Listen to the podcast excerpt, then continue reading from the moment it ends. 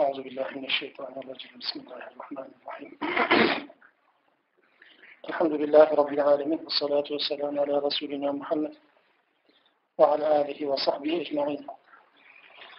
Allah'a hamd, Resulüne salat, ona tabi olanlara ve sizlere selamlar. Bugünkü dersimizde okuyacağımız sure Hakka suresi. Sure El-Hakkatu diye başlar. Bu başlangıç sureye aynı zamanda isim olur. Genel bir tespitimiz vardı şöyle. Sure başlangıçları, surenin ilk ayetlerinde ele alınan konu aslında o surenin konusunu anlatır. Yani bir sureye eğer giriş yapılan ilk ayet ya da ilk ayet grubunda bir konu anlatılıyorsa o sure aslında o konudan bahsedecek anlamda bir mesajdır. Dolayısıyla burada Hakka'dan bahsedilecek. Yani kıyametin bir ismidir. El-Hakka. Kıyametin Kur'an-ı Kerim'de birçok ismi var tabi. Gâşiye var. Sâkhar var. Tari'a var. İşte Hakka var. Vaka var. Yani bunların her birisi kıyamete isim olarak Kur'an'da geçen kelimeler. Tabi her bir kelimenin kendi anlamı var. Bu anlamı kıyamete de isim oluyor. Yani mesela kari'a böyle yürek hoplatan bir vurma anlamına geliyor ve kıyamette böyle bir manzara olacağını işaret. Diyelim ki gâşiye örten anlamına geliyor. Kıyamette her şey örtülecek. Yani tüm şey, tüm eşyaların, tüm varlıkların üzeri kaplanacak. Yani göğün ve yerin tamamen değişmesi suretiyle. Bu anlamda gâşiye deniyor.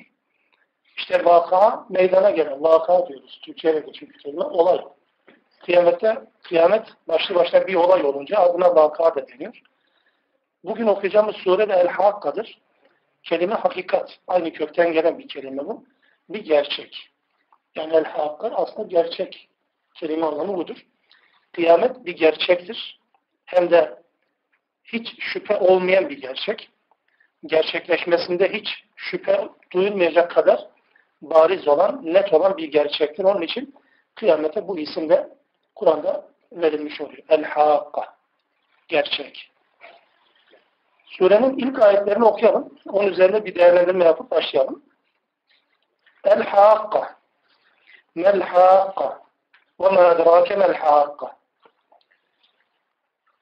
Hakikat. Nedir o hakikat? Hakikatin ne olduğunu nereden bileceksin? Bunu çevirerek söylersek eğer, kıyamet. Nedir o kıyamet? Kıyametin ne olduğunu nereden bileceksin? Ya da kıyametin ne anlama geldiğini sana bildiren nedir? Soru, cevabı istenen bir soru değil.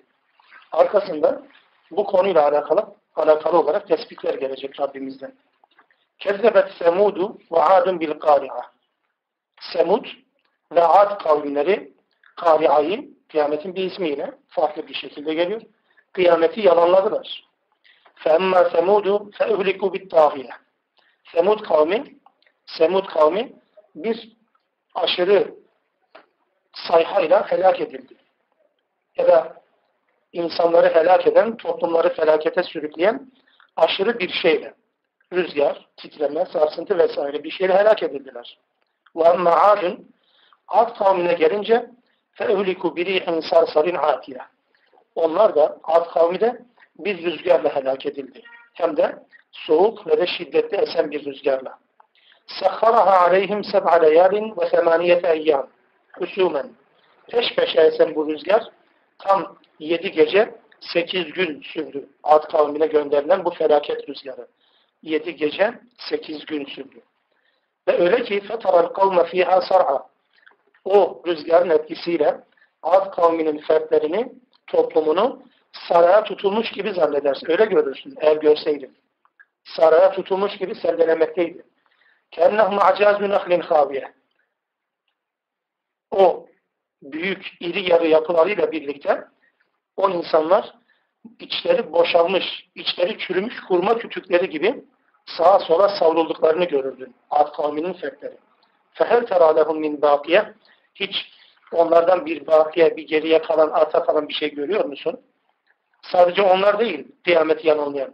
وَجَاءَ فِرْعَوْنُ وَمَنْ قَبْلَهُ وَالْمُؤْتَفِكَاتُ بِالْخَاطِئَةِ Firavun da, Firavun ve kavmi de, ondan önce bir sürü kavim geldi, onlar da ve de altı üstüne getirilen Lut kavmi de, Sodom ve Gomorre'deki insanlar da o hatalarının kurbanı oldular ve onları da Allahu Teala helak etti, kıyameti yalanlamışlardı.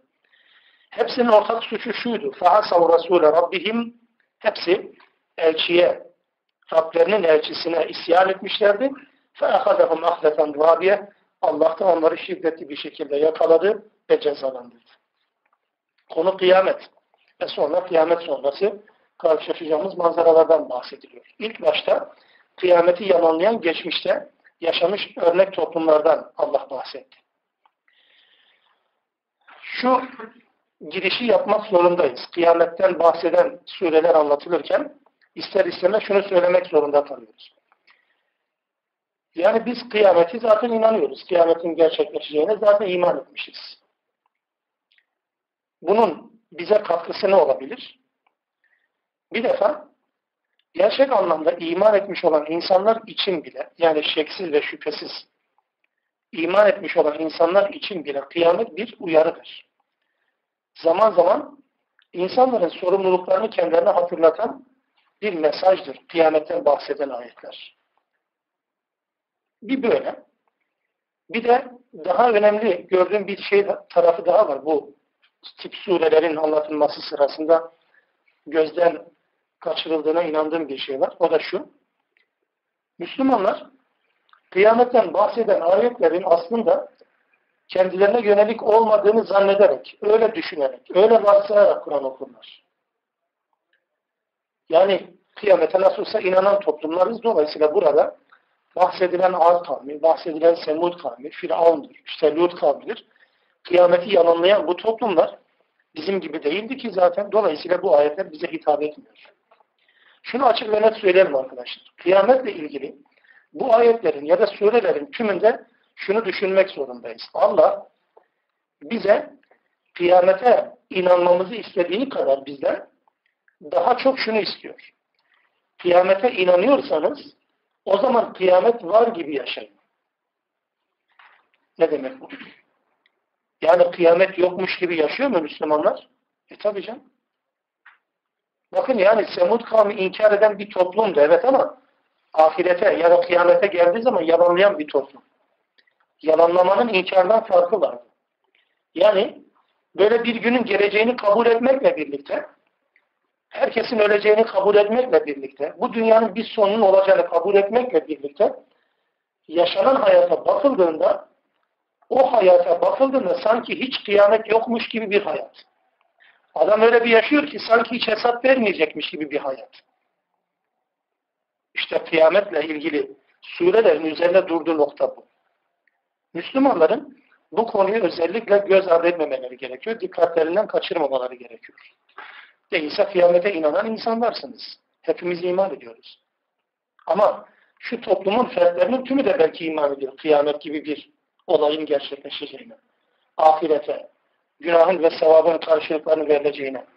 Ama şu çarşıya pazara çıktığınız zaman ya da içinde bulunduğunuz üniversiteye gittiğiniz zaman ya da çalıştığınız kuruma gittiğiniz zaman insanların hal ve hareketlerine baktığınızda sanki hiç ahiret yokmuş gibi. Niye yani?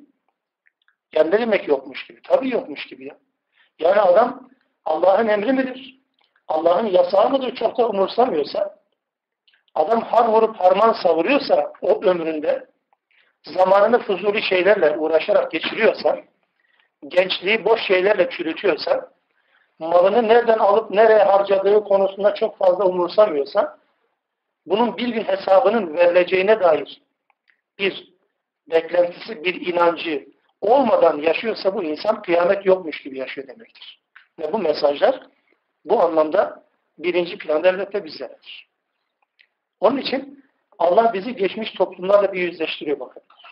Semud kavmi de, Ad kavmi de ahireti ve kıyameti yalanlamışlardı. Herkesin öleceğini herkes biliyor zaten. Bireysel anlamdaki kıyamettir biliyorsunuz. Herkesin fert olarak ölecek olması gerçeği. Ama bir de toplumsal kıyametler var.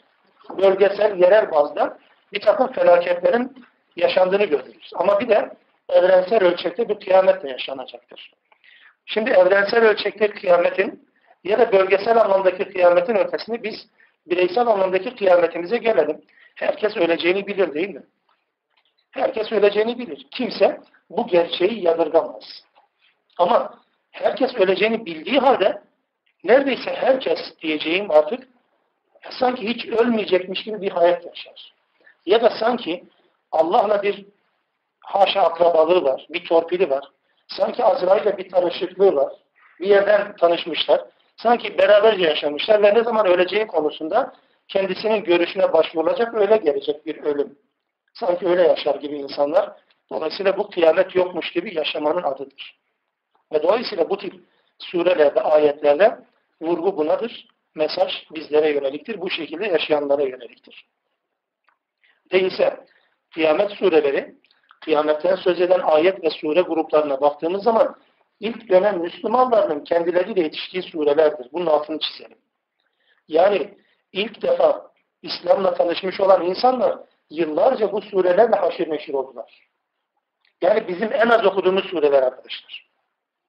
Müslümanların bugün en az okuduğu sureler İslam toplumunun ilk oluşturan o çekirdek kadronun da en çok kendisini okuduğu sureler.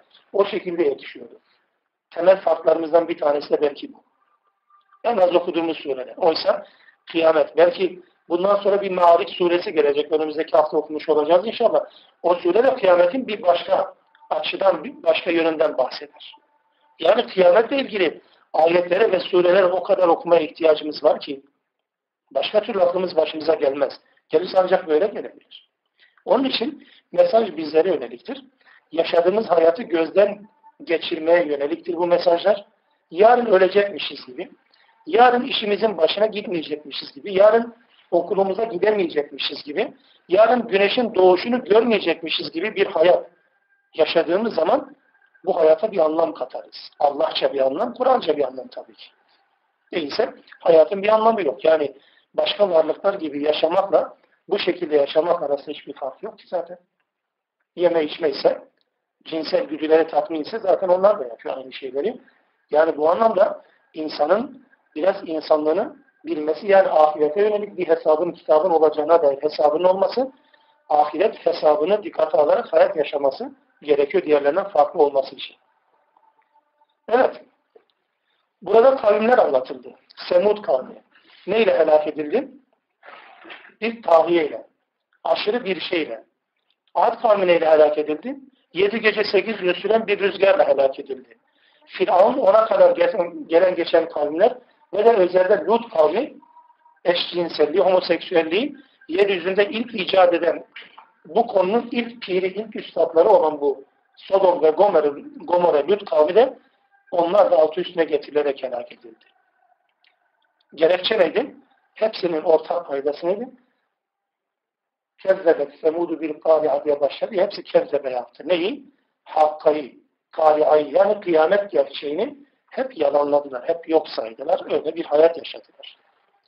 Semud kavmiyle ilgili Kur'an'da birçok yerde bilgi verilir. Ad kavmiyle ilgili. Firavun zaten daha fazla bilgi verilir. Ben kısaca bu kavimden bir özelliğini, birkaç özelliğini arz edeyim. Tanıyan kavim ne yapmış da böyle bu noktaya gelmiş. Onu anlamaya çalışalım. Bu Hakka suresi bağlamında da meseleyi o zaman netleştirmiş olalım. Ad kavmi, Nuh kavminden sonra gelen bir kavimdir.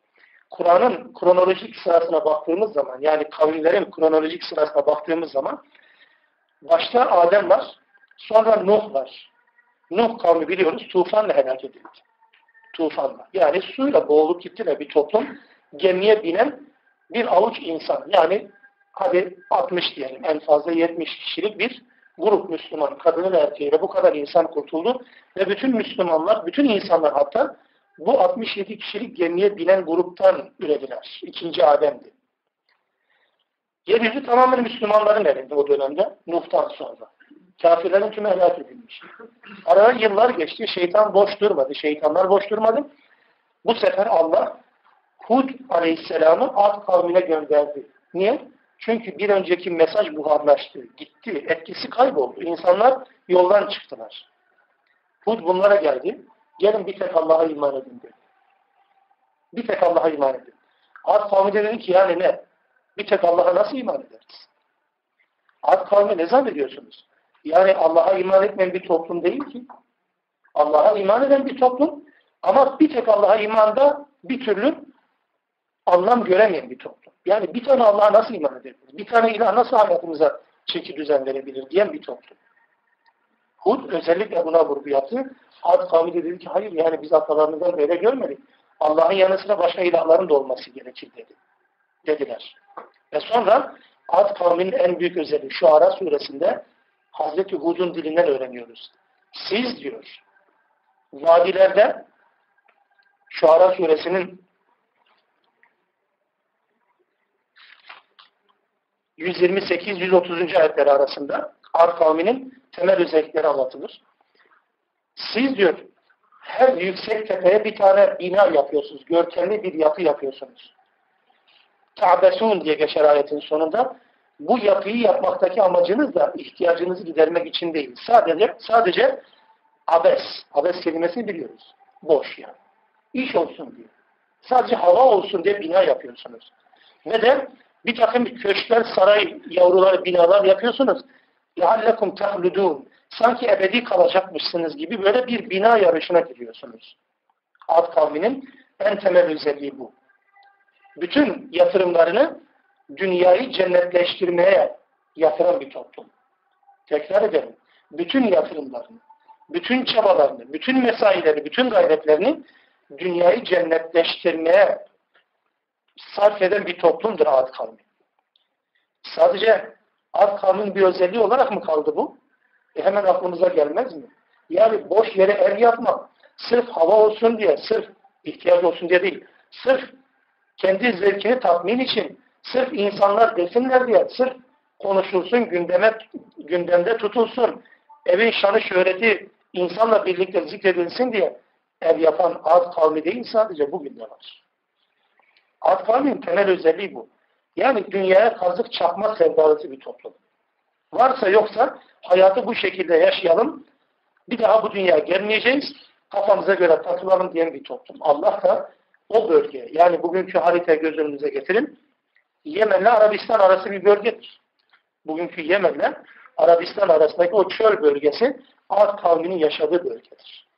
O bölge Ad kavminin yaşadığı dönemde dünyanın en müreffeh belgelerinden birisi. Allah'ın yeryüzü imkanlarının en güzel verdiği yerlerden birisidir o. Ve öylesine yaşamışlar ki bu insanlar kimseye fırsat vermemişler. Hep biz kazanalım demişler. Kimse kazanmasın. Hep biz yaşayalım. Başkaları yaşamasın. Altta kalanın canı çıksın düşüncesiyle yaşamış bir toplumdur Ad kavmi. Maddeyi ön plana çıkaran, dediğim gibi dünyayı cennetleştiren, cenneti dünyaya yaşamak isteyen bir toplum. Ve bunlar maddeyi ön plana çıkarınca elbette Hud'un mesajıdır. Allah'ın davetidir. Bunların tümünü elbette göz ardı edecekler. Ve sonra onlara dedi ki Hud yapmayın dedi. Sizden önce bir Nuh geçti. Bak tufanla helak edildiler. Var o da ne ki dediler. Ad kavmi. Kur'an'a bakın onların bu azaba karşı uyarılmalarından sonra söyledikleri söz şu. Yani Nuh kavmi tufandan kendini koruyamadı. Onlar güçlü insanlardı. Biz güçlüyüz diyorlardı. Ve gerçekten güçlüler daha. Allah öyle der Fecr suresinde lem yuhlak misluha fil bilad. Onların bir benzeri yeryüzüne yaratılmış değil. Onların benzeri yeryüzüne yaratılmış değil. Ne zaman için geçerli bu? Bugün ben bu ayeti okuyorum, bugün de geçerli. Hala Ad kavminin fertleri, insanları gibi insanlar yeryüzüne yaratılmış değildir. 30 metre boyunda insanlardan bahseder. Düşünemezsiniz bile. Güçlü mü güçlü? Tuttu mu? İzâ bataştum bataştum cebbâri de bir ifade geçer. Hud onlara söyler. Tuttuğunuz zaman zorbaların tutuşu gibi tutuyorsunuz.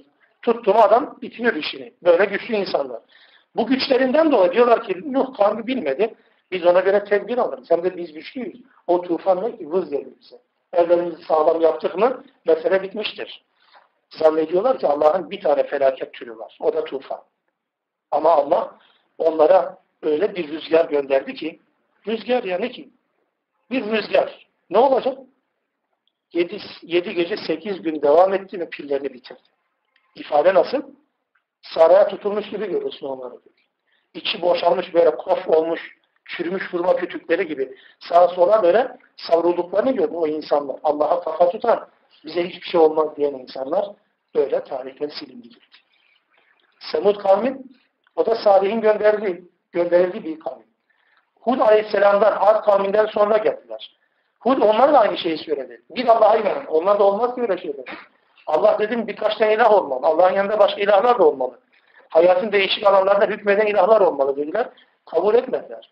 Onların en temel özelliği şuydu. Hayır namına ne varsa yok etme sevdalısı bir toplum. Yani iyilikten hiç anlamayan bir toplum. Bereket ve hayır nerede varsa onların düşmanı olan bir toplum. Şöyle tarif edeyim bu hayra düşmanlığı. Kur'an çünkü Neml suresinde ve Araf Hud surelerini anlatır. Bu toplum inkar edince Salih'i dedi ki bu toplum Salih'e bize şey gönder, bir mucize gönder. Tamam Allah dedi buyurun size bir tane deve. Allah'ın devesi diye geçer Kur'an'da. Nakatullah. Allah'a ait bir özel deve. Bu deve bir gün su içecek, bir gün de o suları siz içeceksiniz. Dedi. Yani nöbetleşe. Kimse diğerini nöbetle ihlal etmeyecek. Bunun karşılığı ne olacak? Bunun karşılığı bu deve size bereket verecek. Bütün toplumunuzun süt ihtiyacını karşılayacak. Öyle hemen aklımıza gördüğümüz develer gelmesin. Yani kaç kişinin süt ihtiyacını karşılar? Ya da kaç ailenin? Hadi diyelim ki on aile. Öyle değil. Semud kavminin tümünün süt ihtiyacını bu deve karşılayacak. Adı üzerinde Allah'ın devesi, mucize. Enflasyon bitiyor. Gayri safi milli hasıla yükseliyor Semud kavminde. Devenin etkisi bu toplumda. Hiç mi hiç zararı yok. Ekstradan Allah onlardan bir şey istemiyor. Bu deveyi besleyin falan yok. Öyle bir zorlama falan yok. Baskı yok. Deve yiyecek, içecek ve onlara süt verecek. Bir bereket kaynağı. İnsanlar Salih'in etrafında bu mucize vasıtasıyla biraz daha toparlanınca toplumun içerisinde dediler ki gelin bunu yok edelim. Dokuz kişilik bir çeteden bahsedilir. Neml suresinde. Dokuz kişilik, ki saat olarak der. Dokuz kişilik bir çete. Semud kavmi çete devletidir aynı zamanda. Çete devletinin ilk üstadlarıdır. Dokuz kişilik bir çete ayırıyorlar ve bu deveyi ortadan kaldırmaya çalışıyorlar. Peki sormazlar mı? Size sormaz mısınız? Yani bu devenin size ne zararı var? Faydadan başka hiçbir şey yok size. Bereketin kaynağı olmuş. Peki niye kaldırmış olabilir dersiniz deveyi? Öldürdüler biliyorsunuz. Öldürdüler. Ayağını kestiler, fonksiyonsuz hale getirdiler ve sonra öldürdüler deveyi. Allah da imtihan olarak zaten yaratmıştı bunu ve korusaydı koruyabilirdi ama azaba doğru yaklaştıkları zaman azabı hak edecek bir suç olması gerekiyordu. Deveyi öldürme suçu oldu bu. Öldürdüler. Öldürünce rahat ettiler değil mi? Tabii rahat ettiler. Niye? Çünkü deve yaşadıkça, bunun altını çizelim arkadaşlar. Deve yaşadıkça, insanlar o deveyi gördükçe salih akla geliyor. Allah'ın mucizesi akla geliyor. Allah'ın mesajı akla geliyor. İnsanlar gerçekleri gözleriyle görmek zorunda hissediyorlar kendilerini. Deve var oldukça. O deve yok olunca görülecek bir ayet kalmadı zaten. Mucize de kalmadı. Ne dersiniz? Günümüzde de Müslümanların varlığına tahammül etmeyenlerin derdi de aynı olmasın. Yoksa mesela başında örtü olan bir bayanın ne gibi zarar olabilir? Katkısından başka. Ama görüldüğü zaman bir şeyler hatırlatır değil mi? Ya da bugün mesela dünya müstekbirler, dünya zalimleri Müslümanlardan ne istiyor?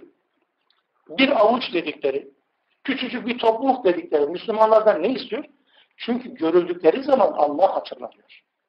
Görüldükleri zaman Allah'ın ayetleri hatırlanıyor. İslam hatırlanıyor. Hatırlanmasın diye Müslümanlar yok edilmek zorundadır. Semud kavminin icra ettiği bir görevi bugünkü Semud kavminin son versiyonları aynen icra edecekler. Amaç aynı bakın. Ayetin görülmesi insanlara Allah hatırlatır. Yok edilmesi gerekir. Hayır namına ne varsa düşman olan bir toplumdur Semud kavmi. Ve böyle devam ettiler. Sonra Salih bunları uyardı. Yapmayın dedi. Sizden önce bir Nuh geçti. Tufanla helak edildi. Ad kavmi geçti. Bakın rüzgarla fırtınayla helak edildi. Yapmayın. Onlar dediler o orada işliyor. Tufan dediğin ne, fırtına dediğin ne? Evlerimizi kayalara yontarız. Evet evlerini kayalara yonttular. Kayalardan gökdelenler yaptılar. Harç falan tuğla beton dökme kullanmadan son kayalardan yontarak evler kat ve kat villalar yaptılar. Yıkılmaz diye yaptılar tabii ki. Böyle sağda solda ev yaptınız ama tufan da götürür, rüzgar da götürür. Öyle sağlam bir yere yapalım. Hesaplamadılar. Zannettiler ki Allah'ın azap türü ya tufandır ya da rüzgardır zannettiler.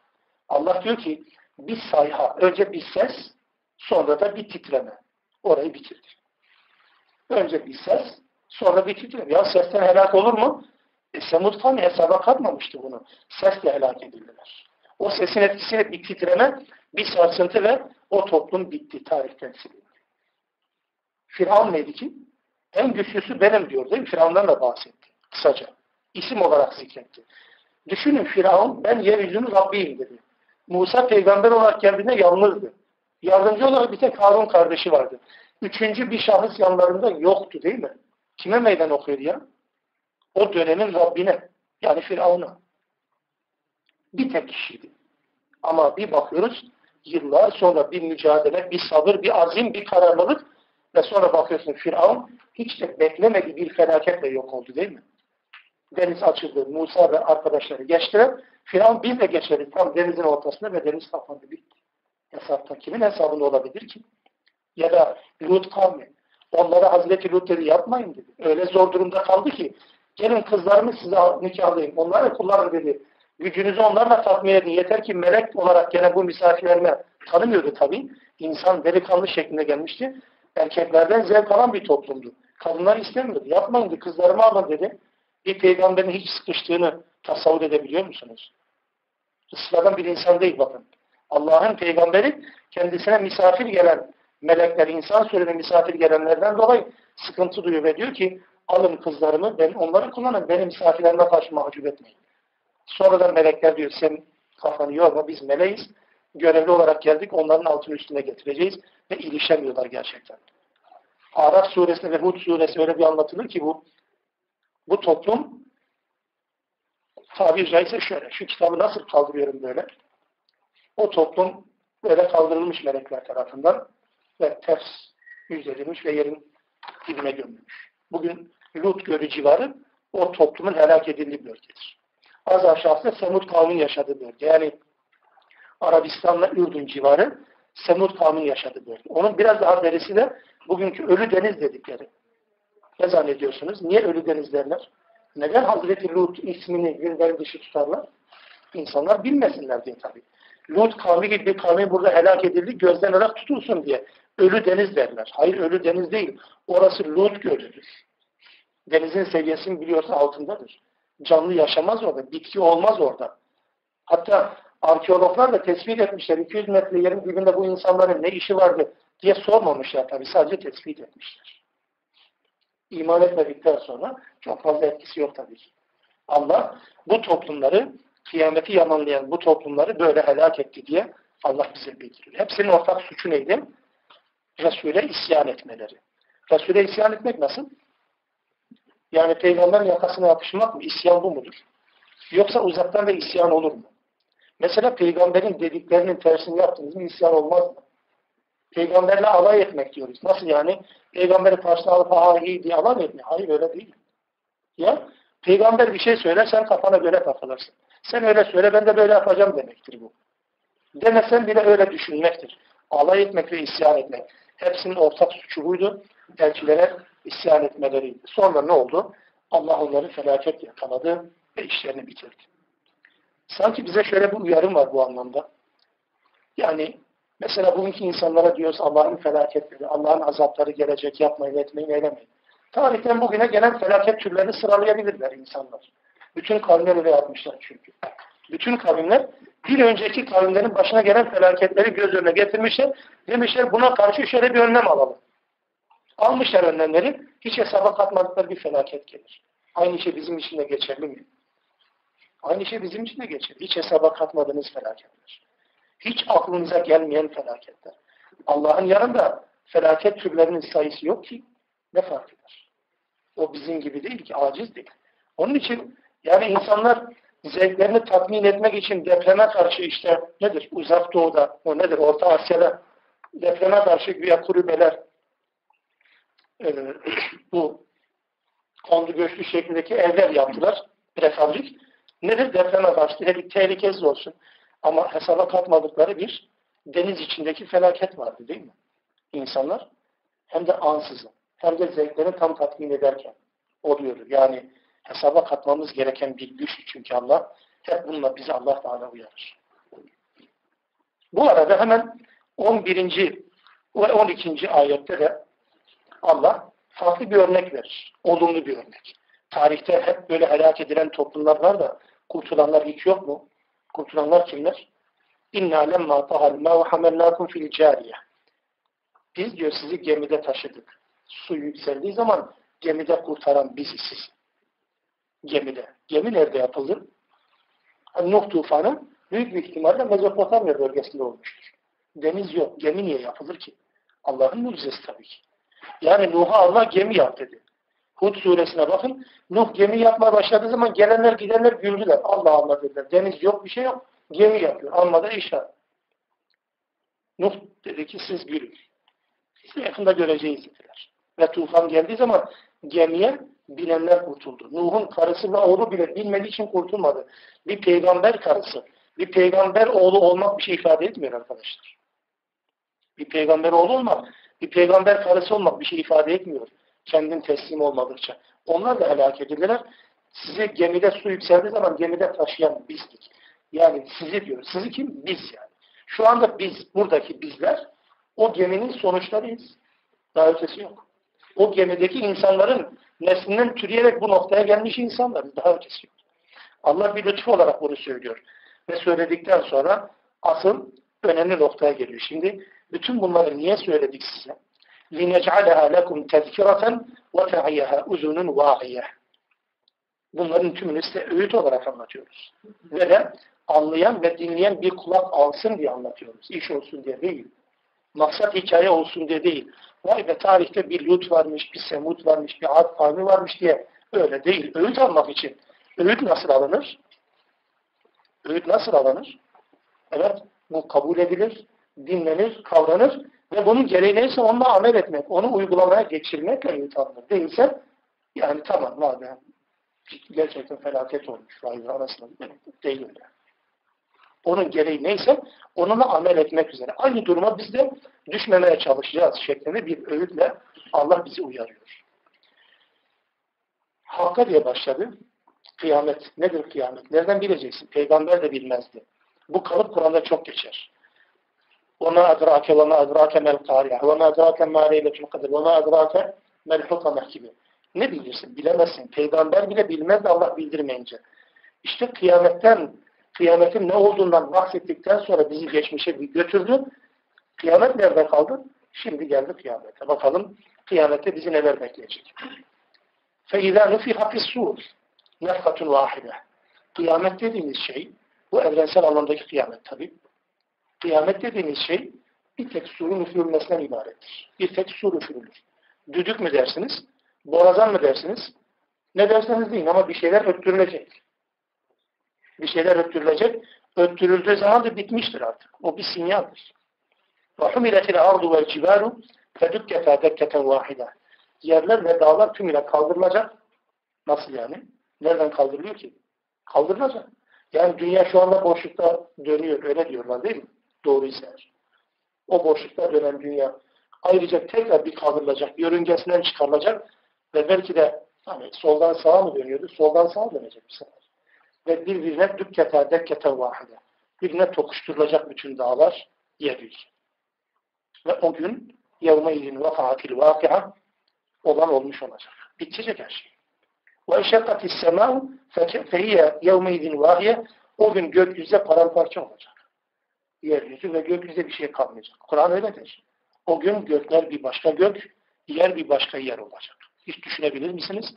Düşünemeyiz ki zaten. Sadece Rabbimiz dediği için böyledir. Biz dönen dünyanın içerisinde veya üzerinde yaşıyoruz o kadar. Böyle bir olayın tasavvur edilmesi, düşünce açısından gözümüzün önüne getirilmesi bile mümkün değil. Ama korkunç bir şekilde Allah bizi uyarıyor. Vel melek ala arcaiha. Melekler de köşede bucakta. Yani bütün insanlık bitmiş, bütün canlı alem bitmiş. Allah var ve melekler var. Melekler sağda solda görev bekliyor. Yahmilu arşa rabbike fevkahum yevmeydin semaniye. Bu meleklerin yanı sıra sekiz tane ayrı bir görevli melek var. Onlar da Rabbinin arşını taşıyacaklar. O nasıl bir şey? Yani nasıl tarif edeyim ki? Arş dediğimiz taht mı? Kürsü mü? Yani Allah'ın oturduğu bir koltuk falan mı var? Yok ama benzetme öyle. Yani düşünün ki mesela taht dediğimiz şey nedir? Padişahın ya da işte ne bileyim ya da işte Çankaya'daki zatı halinin oturduğu yer gibi. Kürsü diyelim. Öyle tasavvur ederim yani. Ama Allah öyle değil tabii ki. Allah öyle değil. Çünkü Allah hiçbir şeye benzemiyor. Biz anlayalım diye. Zihnimize başka türlü nasıl Allah anlatsın ki? Mesela cenneti anlatırken nasıl anlatır? Yeşillik, bahçe, su. Yani dünyada var ki biliyoruz değil mi? Ama öyle mi? Öyle değil tabii ki. Öyle değil. Sadece benzetmesini yapar. Bu da böyle Allah'ın arşını. Arş dediğimiz kainattan daha büyük. Göklerden ve yerden çok daha büyük, çok daha geniş olan bir şeydir arş. Allah'ın arşını sekiz tane melek taşır. Nasıl taşır yani? Kanatlarıyla mı? Kollarıyla mı? Çubuklarla mı? Ya taşır. Bu bizim amel etmemiz istenen bir şey değildir. Burada vurgulanan temel şey şu arkadaşlar. Dikkatini çekelim. Bu tip yerlerde zihinlerimizi zorlamaya gerek yok. Çatlasak da anlayamayız. Peki anlamadığımız şey burada ne geziyor? Allah zihin dünyamızı zorlayan bu tip şeyleri anlatmaktaki maksadı kendisinin büyüklüğünü bize göstermektir. Gücünü ve kudretini. İnsan zihninin ötesinde bir gücü, bir kudreti, bir hakimiyet alanı, bir egemenlik alanı var. Bunu ifade etmek için bu tip cümleleri kullanır Allah. Başka da bir izahı yok bunun. Herkes bir şey söyleyebilir. Herkesin söylediği her şey hiçbir şeydir aslında. Çünkü bu konuda ne Allah bir bilgi veriyor, ne Kur'an bir bilgi veriyor. Onun için biz sadece bunu biliyoruz. Sekiz tane melek Allah'ın arşını taşıyacak o gün. Diğer melekler de görev verilmek için bekleyecek. Hesap mı soracaklar? Birilerinin canlarını tekrar döndürecekler. Yani herkesin kendine göre bir görevi var elbette. Bütün bu manzara yaşandı mı kıyamette? Şimdi sıkı duruyoruz. Asıl bundan sonra başlıyor. يَوْمَيْذٍ تُعْرَضُونَ لَا تَخْفَى مِنْكُمْ خَافِيَ o gün siz arz edileceksiniz. Kime? Allah'ın huzuruna götürüleceksiniz. Ve de içinizden hiçbir şey gizli kalmayacak. İçinizden hiç kimse de gizli kalmayacak. Yani Adem'in zamanından bugüne kadar, bu kıyametin kopacağı güne kadar nerede bir insan dünyaya gelmişse oraya gelecek. Hiçbir kimse bundan istisna olmayacak. Efendim adam paramparça oldu. Eti bile görünmedi. Hiçbir tarafı görmedi. Efendim Ganj nehrine attık. Külünü savurduk. Fark etmez ki. Zaten o insan yokken var edildi daha. Hiç olmasa külü var bu adamın. Öyle değil mi? Yokken var edilmişler. Bu adam hiç olmasa külü var. Bir kavanozda Ganj nehrine atılmış. Allah onu da getirecek. Hiç, hiç kaçmak yok. İkinci bir manası hiçbir gizli şeyiniz kalmayacak. Aman Allah'ım. Hiç gizlilik yok. Hani insanlar birbirlerini atlatmak için, kandırmak için bir takım şeyleri zihinlerinden geçirirler ya. Aslında başka bir şey söylüyor da içine başka bir şey taşıyor ya. Gizlilik diye bir şey kalmıyor. Kıyamette yevmetülle saray. Hiçbir şey gizli kalmıyor. Birbirimize olan mesela bakışlarımız, birbirimizi dinleme niyetlerimiz, birbirimizle konuşma niyetlerimiz, birbirimize alma, birbirimizden verme alma niyetlerimiz, düşüncelerimiz, davranışlarımız tümü hemen gün yüzüne çıkıyor. Niyetler ortaya çıkıyor. Niyetler burada gizli sadece. Orada her şey açığa çıkacak. Hiç gizlimizli yok. Kimse kimseden gizlemeyecek. O yüzden öyle bir kıyamet günü gelecek ki insan annesinden, babasından, oğlundan, kızından ve eşinden kaçar. Niye? Çünkü bunlara karşı içinde beslediği bir takım sırlar, gizlilikler var ya hepsi açığa çıkacak. Herkes yakama yapışacak. Düşüncesiyle herkes bir başkasından kaçacak o gün. Öyle bir gün gelecek diyor Rabbimiz. Her iki anlamda mümkün. Evet hiçbir şey gizli kalmayacak. Hiç kimse de bu noktada istisna olmayacak. O gün Allah'ın huzuruna arz edileceksiniz. Sonuçta iki grup oluşacak. Bir, فَاَمَّا مَنْ اُوْتَ كِتَابَهُ بِيَم۪ينِ Kitabı sağdan verirler. Ve sonra da فَاَمَّا مَنْ اُوْتَ كِتَابَهُ بِشِمَالِهِ Kitabı soldan verirler. Ya öyle öyle başka yok. Bir de İnşikat suresinde kitabı arkadan verilenlerden söz eder Rabbimiz. Kitabı arkadan verilenler. Kitabı arkadan verilen aslında kitabı soldan verilenin bir başka versiyonudur. Allah kitabı insana soldan vermeye istediği zaman kitabı almamazlık edecek. Bir almak istemeyecek, sırtına dönecek, Allah arkadan verecek bir sefer. Al sana diyecek. Ya da şöyle, bu insanın öyle günahları katmerli ki hem arkadan hem soldan. Yani bir insana dönerek konuşmak nasıl? Şimdi ben sırtımı dönerek konuşsam nasıl değil mi? Ayıp denen bir şey var. Orada o. Yani Allah Ona bir hakaret arkadan kitap uzatıyor ama soldan yine. Kitabı ya sağdan ya soldan. Üçüncü bir şey yok. Evet. Kitabı sağdan verilenler bunlardan olmayı ümit edelim. Kitabı sağdan alanlar diyecek ki feyakulu ha umukavu kitabiye hey bakın kitabımı okuyun diyecek. kitabımı okuyun. İnni zanantu enni mulakin hisabiye. Ben zaten hayatı yaşarken böyle bir hesap kitap günüyle karşılaşacağımı biliyordum. Buna iman etmiştim. Şok geçirmedim. Zaten biliyordum böyle bir gün gelecek. Ya da kitabı sağdan verilenin bu zannı bir başka şekilde de olabilir. Ben hayatımı yaşarken bir takım sıkıntılar yaşadım. Ufak tefek bir takım kötülükleri işledim. Ben zannettim Allah beni hesaba çekecek. Vay da Allah hesaba da çekmedi. Kitabı sağdan verilince hesapsız gitti. Bitti. Hesaba da çekmedi diyecek. Yani hesap umuyordum, hesap da görmedim. فَهُوَ ف۪ي عِيشَةٍ رَاضِيَ Razı olacak bir hayat içerisinde. Kim razı olacak?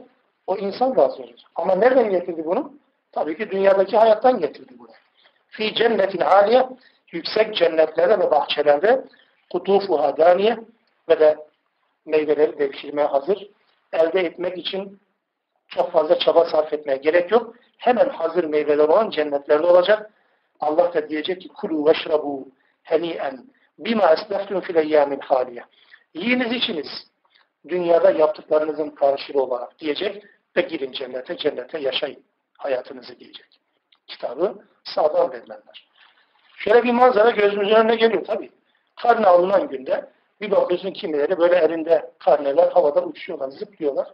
Bir bakıyorsun öbürü de böyle yere bakıp gidiyor. Yani kimin kitabı sağdan, kimin soldan verildi belli oluyor. Karne açısından.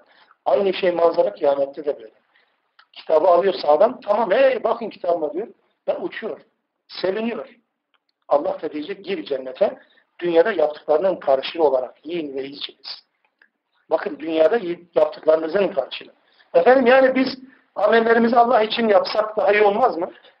E yani cennet için yapınca Allah için olmuyor mu? Allah sürekli öyle söyler ya. Yani biz kimiz, ben kimim ki diyeyim yani yok. Allah'ın rızası hepsinin üstünde bir cennet ve cehennem boş ver, öyle derdimiz olmamak. Olur mu öyle şey ya? Allah cennet için yarışın der. Cenneti bir yarış konusu yapar bize. Değil mi? Ali İmran suresinde. Cennet için yarışın der ya. Eni, de, eni göklerle yer kadar olan cennet için yarışın derken ben ne diyeceğim? Ya cenneti meneti boş Allah'ın rızası. Ya sen kim oluyorsun? Değil mi? Allah burada da öyle diyor. Yiyiniz ve içiniz ama dünyada yaptıklarınızın karşılığı olarak bakınız. Amellerinizin karşılığı olarak. Hemen şu soru gelecek. Peki sadece amel mi insanı cennete götürür? Hazreti Peygamber bunu söylüyor. Sadece amellerini sizi cennete götürmez. Senin de mi ya Resulallah dedikleri zaman evet benim de ama Allah'ın rahmetiyle birlikte olduğu zaman böyledir. Niye? Sadece amellerinizin tümünü toplayın isterseniz. Kat sayısı 700 olsun bütün amellerinizin. Hepsini çarpsanız. Allah dese ki benim sana verdiğim göz nimetine karşılığı olarak bunları saydım. Hadi diğer gözünüzün karşılığı olarak ne yaptınız dese. Bitti değil mi? Yok yani. Yok. Mesela diyorum yani. Diğer nimetlere saya başlamadık yani. O yüzden bu nimetlerin karşılığı olarak amel ya da cennetin amelin karşılığı sadece cennet değil. Allah amellerimizi hesaba katıyor. Bir de rahmetini de onun yanına bir kat sayı olarak koyuyor ve o şekilde cennete gidersiniz diyor. Ben amel işledim. Dolayısıyla ben garantiledim. Kesinlikle. Yani ben cennete gitmesem kimse gitmez. Aynen. İnsanlar kimileri başkaları için bunu söylüyor. Mesela diyor ki falan cennete gidecek biz de beraberine götürecek. Kim garanti mi o? Yani kim garanti edebilir? Peygamberin dışında hiç kimse bu garantiyi almamıştır. Peygamberlerin dışında. Ve peygamberin haber verdiklerinin dışında. Hiç kesinlikle. Yani cehenneme gidebilir. Hayır öyle değil. Kimse bu anlamda emin olmamalı. Müttakilerin özellikleri sayılırken bu nokta vurgulanır. Onlar ki Allah'ın azabından emin değiller. Allah'ın azabından emin olmazlar. Allah'ın azabından emin olduğun bir insan o insanın pili bitiktir. Dolayısıyla hiç kimse garanti değil. Ama ameller olması gerekecek. Ama sadece ameller de tamam bizim cennetlik olmamız için garantidir deyip de öyle bir hava atmaya da gerek yok. Yapacağız. Çünkü bugün için amellerimiz yeter gibi görünebilir. Ama yarın önümüze hangi tür şeytanlar çıkacak bilemiyorsunuz ki. böyle devam edeceğimize dair garantimiz var mı? Garantimiz var mı ki? O da ayrı bir problem tabii. Ama her halükarda kitabın sağlam verilmesi için gayret etmek gerekecek. وَاَمَّا مَنْ اُوتَ كِتَابَهُ بِشِمَالِهِ Ya kitabı soldan verilenlere gelince ne dersiniz? Dinleyin diyor Allah. Diyecek ki ya leyten ile mute kitabiye. Keşke bana hiç kitap verilmeseydi. Kitap değil amel defteri. Bu kütüp, bu sicil keşke bana hiç verilmeseydi. وَلَمْ اَدْرِ مَا حِسَابِيَ Keşke hiç hesabımı bilmeseydim. Hesap nedir hiç görmeseydim keşke. Ya leyteha kânetil kâdiye. Keşke o ölüm son olsaydı. Keşke ölüm olsa da bitse bu iş. Ölüm. Halbuki kitabı soldan verilecek kadar pis bir hayat yaşayan, kötü bir hayat yaşayan bu insanlar için ölüm neydi? Korkunç bir şeydi değil mi? Ölüm olmamalıydı. Hayat ebedi olmalıydı. Ölüm gelmemeliydi. Bütün işler bitirilmeliydi. Yapılacak bir sürü iş vardı. Ölüm olmamalıydı. Ölüm yokmuş gibi yaşadı bu insanlar. Kitabı soldan verilenler orada enteresan diyecekler. Keşke ölüm son olsaydı. Keşke bitirseydi de bir daha dirilmeseydik hayat bitseydi o zaman. مَا anni maliye. Malımın da bana faydası olmadı.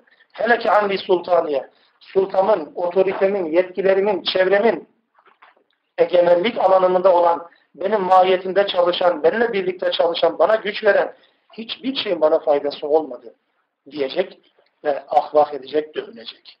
Allah diyecek huzuhu fehulluhu. Atın onu. Sümmel cehime salluhu.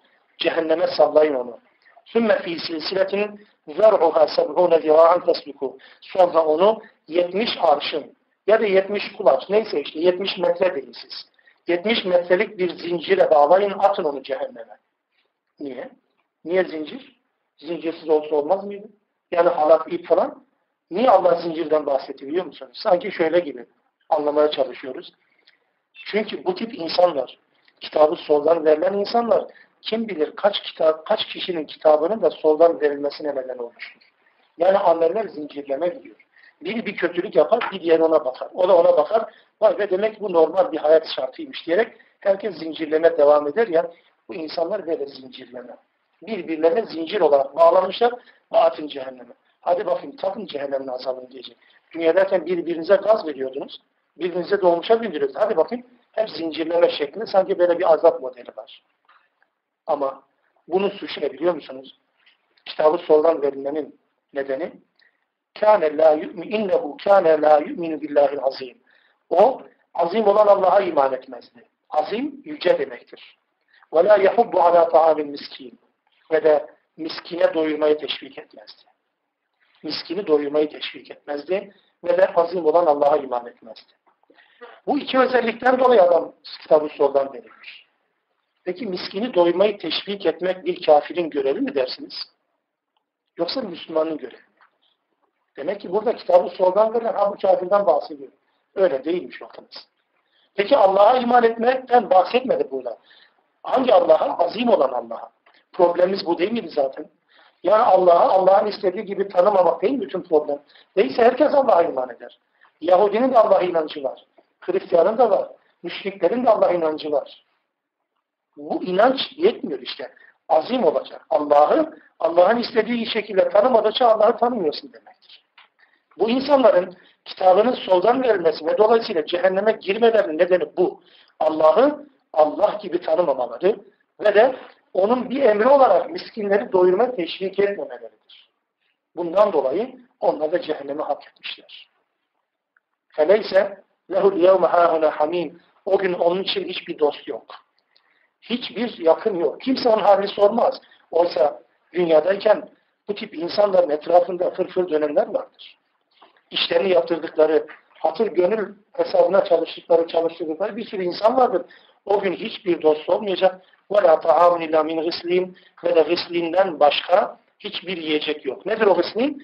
لَا يَكُلُوا اِلَّا الْخَاطِبُونَ Günah işleyenlerden başka hiç kimse bunu yemez. Bu yiyecek günahkarların yiyeceğidir. Yani cehennemliklerin bedenlerinden azap sonucunda vücutlarından akan irin ve kanın adıdır hırsızlığın.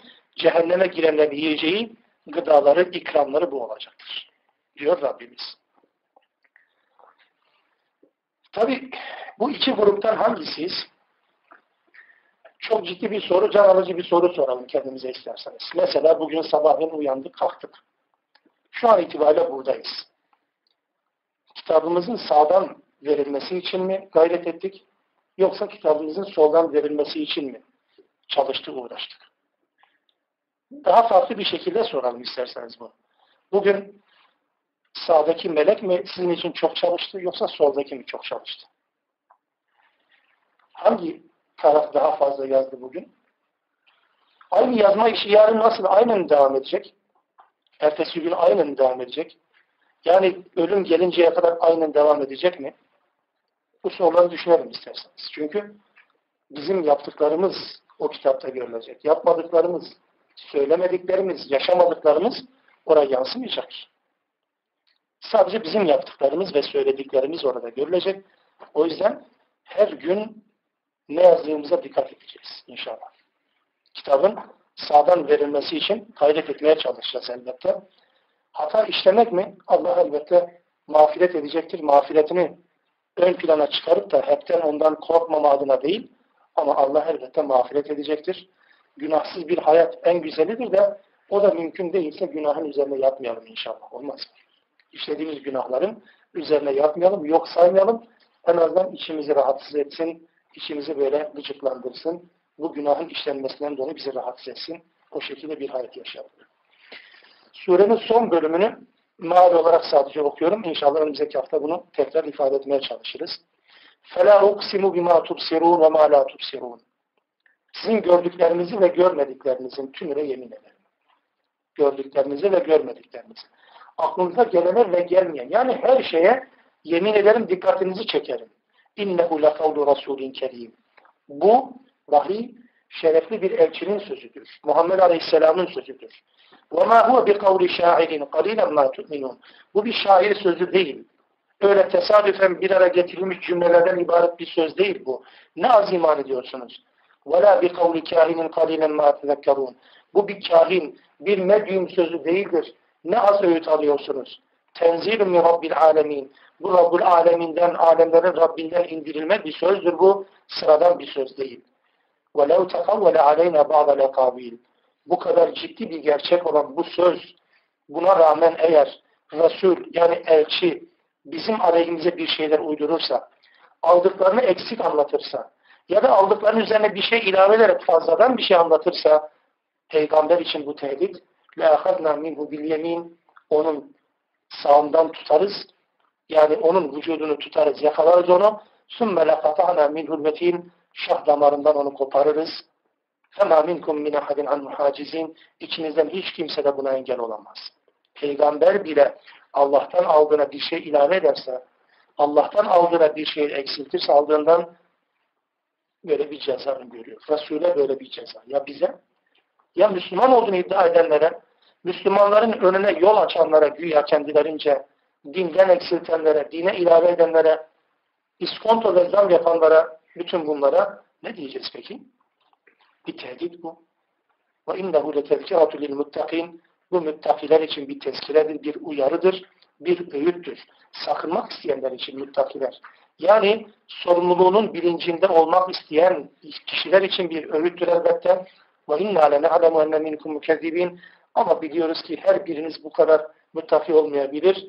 Biliyoruz ki içinizden insanlar arasından yalanlayanlar da olacak, ciddiye almayanlar da olacak bu mesajı. Ama ve innehu le hasrete alel kafirin. Böyle bir durumda da kafirlere, inkarcılara bir pişmanlık nedeni olacak bu vahiy. Ve innehu le hakkul yakin. Gerçeğin ta kendisidir. Hakkul yakindir bu vahiy. Fesebbih bismi rabbiken azim. Rabbini, hem de azim olan Rabbini, yüce olan Rabbini ismini tesbih et. Yani onun seni yarattığı amaca uygun olarak yaşa. Tesbih buydu zaten. Seni yarattığı amaca uygun olarak yaşa. Allah ne dediyse öyle ol. Tesbih bu anlama gelecekti. Allah'ı tam ve mükemmel bil, eksiksiz bil, bu şekilde bir hayat yaşa diyor Rabbimiz bize. Haftaya inşallah bu son birkaç ayeti tekrar gözden geçirip Ma'ariç suresiyle birlikte okumaya çalışacağız. Allah faydalananlardan eylesin inşallah. Amel edenlerden eylesin. Hepiniz